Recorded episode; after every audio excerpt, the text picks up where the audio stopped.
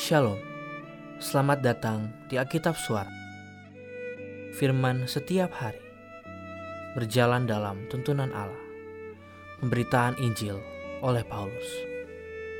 Kita akan merenungkan perjalanan para tokoh Alkitab di dalam tuntunan dan penyertaan Allah. Mari bersama-sama mempersiapkan hati dan berfokus hanya kepada Kristus.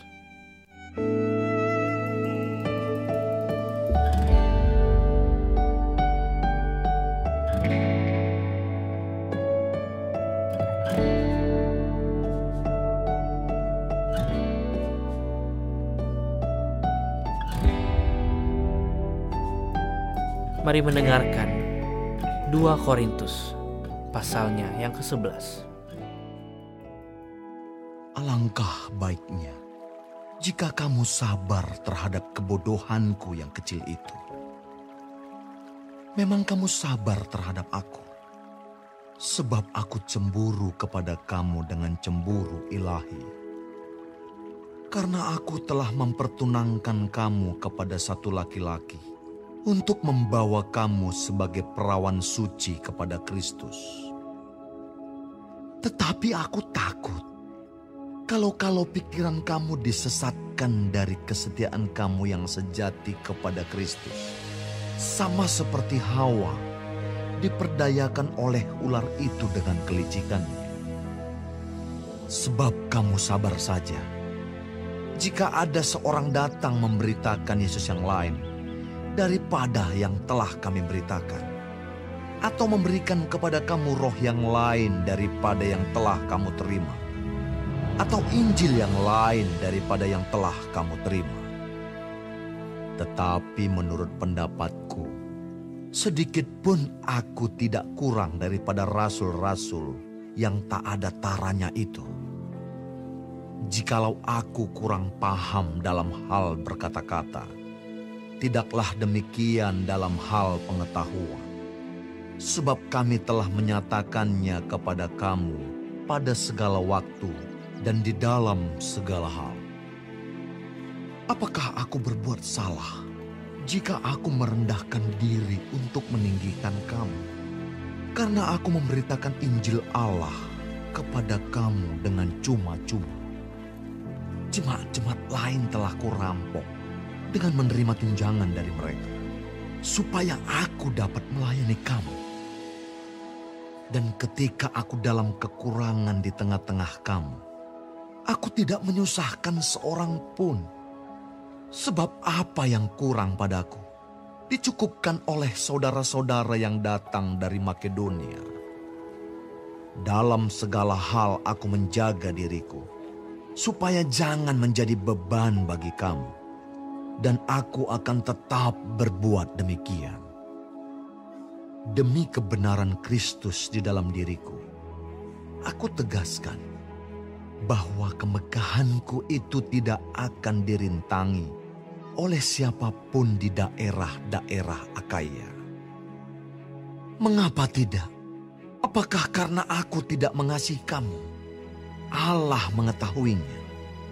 Tetapi apa yang kulakukan akan tetap kulakukan untuk mencegah mereka yang mencari kesempatan guna menyatakan bahwa mereka sama dengan kami dalam hal yang dapat dimegahkan. Sebab orang-orang itu adalah rasul-rasul palsu, pekerja-pekerja curang yang menyamar sebagai rasul-rasul Kristus. Hal itu tidak usah mengherankan, sebab iblis pun menyamar sebagai malaikat terang. Jadi bukanlah suatu hal yang ganjil jika pelayan-pelayannya menyamar sebagai pelayan-pelayan kebenaran kesudahan mereka akan setimpal dengan perbuatan mereka. Kuulangi lagi, jangan hendaknya ada orang yang menganggap aku bodoh. Dan jika kamu juga menganggap demikian, terimalah aku sebagai orang bodoh, supaya aku pun boleh bermegah sedikit. Apa yang aku katakan? Aku mengatakannya bukan sebagai seorang yang berkata menurut firman Tuhan, melainkan sebagai seorang bodoh yang berkeyakinan bahwa ia boleh bermegah. Karena banyak orang yang bermegah secara duniawi, aku mau bermegah juga. Sebab kamu suka sabar terhadap orang bodoh, karena kamu begitu bijaksana. Karena kamu sabar jika orang memperhambakan kamu, jika orang menghisap kamu, jika orang menguasai kamu, jika orang berlaku angkuh terhadap kamu, jika orang menampar kamu. Dengan sangat malu, aku harus mengakui bahwa dalam hal semacam itu kami terlalu lemah. Tetapi jika orang-orang lain berani membanggakan sesuatu, maka aku pun, aku berkata dalam kebodohan, berani juga. Apakah mereka orang Ibrani? Aku juga orang Ibrani. Apakah mereka orang Israel? Aku juga orang Israel. Apakah mereka keturunan Abraham? Aku juga keturunan Abraham. Apakah mereka pelayan Kristus? Aku berkata seperti orang gila. Aku lebih lagi. Aku lebih banyak berjeri lelah. Lebih sering di dalam penjara didera di luar batas, kerap kali dalam bahaya maut. Lima kali aku disesah orang Yahudi. Setiap kali empat puluh kurang satu pukulan. Tiga kali aku didera. Satu kali aku dilempari dengan batu. Tiga kali mengalami karam kapal. Sehari semalam aku terkatung-katung di tengah laut dalam perjalananku aku sering diancam bahaya banjir dan bahaya penyamun. Bahaya dari pihak orang-orang Yahudi dan dari pihak orang-orang bukan Yahudi. Bahaya di kota, bahaya di padang gurun, bahaya di tengah laut, dan bahaya dari pihak saudara-saudara palsu. Aku banyak berderi lelah dan bekerja berat Kerap kali aku tidak tidur. Aku lapar dan dahaga. Kerap kali aku berpuasa. Kedinginan dan tanpa pakaian. Dan dengan tidak menyebut banyak hal lain lagi. Urusanku sehari-hari. Yaitu untuk memelihara semua jemaat-jemaat. Jika ada orang merasa lemah, tidakkah aku turut merasa lemah? Jika ada orang tersandung, tidakkah hatiku hancur oleh duka cita? Jika aku harus bermegah, maka aku akan bermegah atas kelemahanku. Allah, yaitu Bapa dari Yesus, Tuhan kita yang terpuji sampai selama-lamanya. Tahu bahwa aku tidak berdusta. Di Damsik, wali negeri Raja Aretas menyuruh mengawal kota orang-orang Damsik untuk menangkap aku.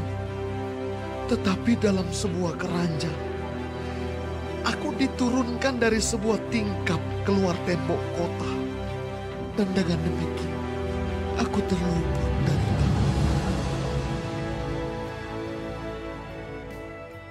Kita semua tahu apa yang telah dilakukan Paulus bagi pemberitaan Injil. Kita tahu setiap resiko yang dialami oleh Paulus oleh karena memberitakan kebenaran. Tapi tidak semua dari kita mengerti dan mengalami apa yang dialami oleh Paulus oleh karena pemberitaan Injil ini.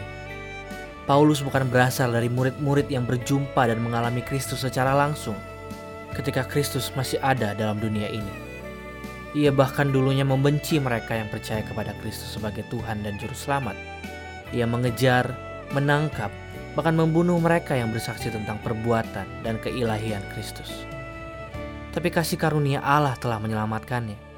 Ia menjadi rasul yang memberitakan kebenaran bagi bangsa-bangsa lain yang ada pada saat itu. Berbagai tekanan dia hadapi, siksaan demi siksaan, kelaparan, bencana, Bahkan situasi yang mengancam nyawanya pun ia lalui demi pemerintahan Injil. Namun tidak semua yang mendengarkan Paulus percaya kepada kerasulan Paulus ini. Banyak yang bahkan lebih mendengarkan nabi-nabi palsu ketimbang kebenaran dari murid Paulus. Kita telah mengerti bahwa perjalanan dalam tuntunan Allah memanglah bukan hal yang mudah. Tetapi apa yang dialami Paulus memberi kita pemahaman bahwa berjalan dalam tuntunan Allah sering kali bukan hanya melewati lembah yang kelam, tetapi dapat membuat kita disepelekan dipandang rendah, dihina, dan dijauhi oleh orang lain. Mungkin saja kita telah melakukan apa yang baik dan benar sesuai tuntunan Allah, tetapi respon sekeliling kita justru bukannya memberi semangat, namun sering kali melemahkan kita. Untuk tetap percaya walau situasi terlihat mustahil. Untuk tetap bertahan walau situasi terlihat berat tak tertahankan. Untuk tetap setia walau situasi memaksa kita untuk berpaling membuat kita terlihat bodoh bagi dunia. Saudara, berjalan dalam tuntunan Allah bukan berarti kita terbebas dari masalah hidup ini, melainkan memberi kita jaminan bahwa melewati beban seperti apa pun juga, kita tidak akan lemah, kita tidak akan takut, bukan karena kekuatan kita, tetapi karena kita tahu bahwa Allah yang menuntun kita tidak akan pernah meninggalkan kita sedetik pun. Apa pun yang kau alami sekarang, mari percaya kepada tuntunannya, kepada rencananya, dan kepada janjinya bagi kita semua. Tuhan Yesus memberkati kita semua.